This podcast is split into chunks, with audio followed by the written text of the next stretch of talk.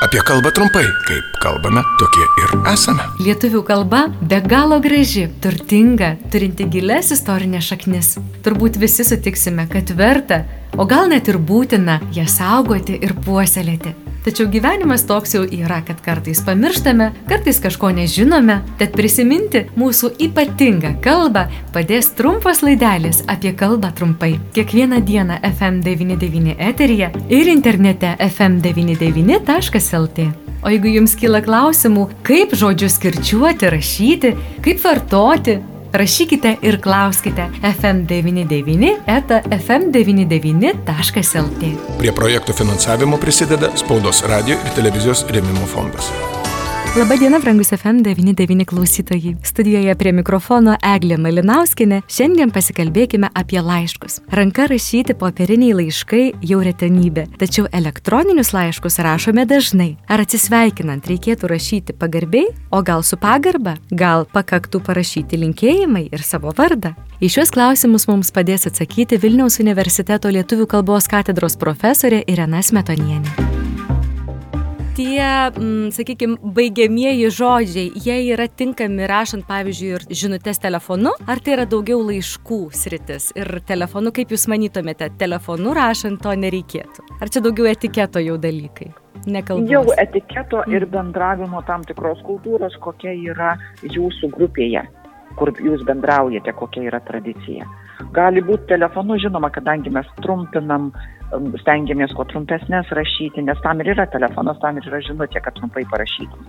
Tai tada gali būti rate parašytas ir su E, ir su IA, ir, ir kaip, tik, kaip tik tai nori. Juk telefonu bendravimas yra neoficialus. Taip. Tikrai oficialiai nei direktoriui, nei rektoriui, nei prezidentui, nei dar kam nors, nei ministrui žinutės tikrai nerašytume.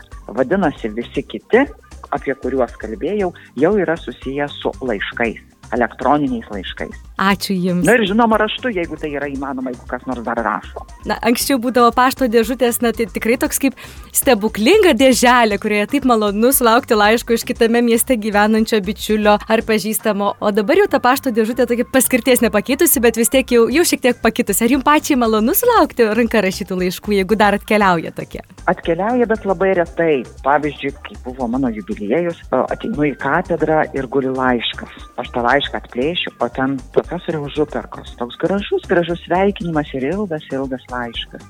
Na, žinokit, taip sukuteno paširdžiuose, kad žmogus nepaskambino, ne elektroninį parašė, o parašė savo ranką ir jo tokia graži rašysena, kai aš pasidėjau tą laišką ir mastau, aha, liks ir mano nūkams. Pirma, kad tai yra labai gražus laiškas.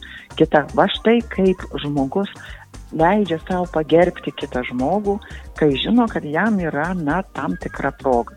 O dabar, kai atvažiuoja paštininkė, aš per langą matau pašto dėžutę mūsų, kai tik atvažiuoja, aš suprantu, siaubas, arba atėjo sąskaita kokia nors, arba nedaug dievė dar koks nors, kaip mes iš kelionės į Italiją tos visus baudas vadinam kvitungais. Aš tada greitai sakau, na, kas prisidirbote, ko gero paštininkė kvitungą atnešė. Ir jau nebelauki tų laiškų. Jau žinai, kad ateis tik tai tas, kas, na, yra labai labai svarbu. Ir nėra to malonumo prieiti prie pašto dėžutės, kaip matai dar kokiuose nors filmuose, arba kaip iš vaikystės atsimenu, kaip tiesiog reikalas būdavo toks nueiti, kas antrą dieną pas mus miestelėje nešiodavo laiškus ir būtinai turi nueiti pažiūrėti, o gal kas nors parašė laišką, kokį nors sveikinimą atsiuntė, kokį nors atviruką iš kur nors toli.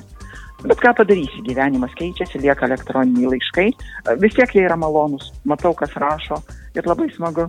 Į klausimus atsakyti padėjo Vilniaus universiteto lietuvių kalbos katedros profesorė Irena Smetonienė. Apie kalbą trumpai, kaip kalbame, tokie ir esame. Laidą remia Spaudos radio ir televizijos rėmimo fondas.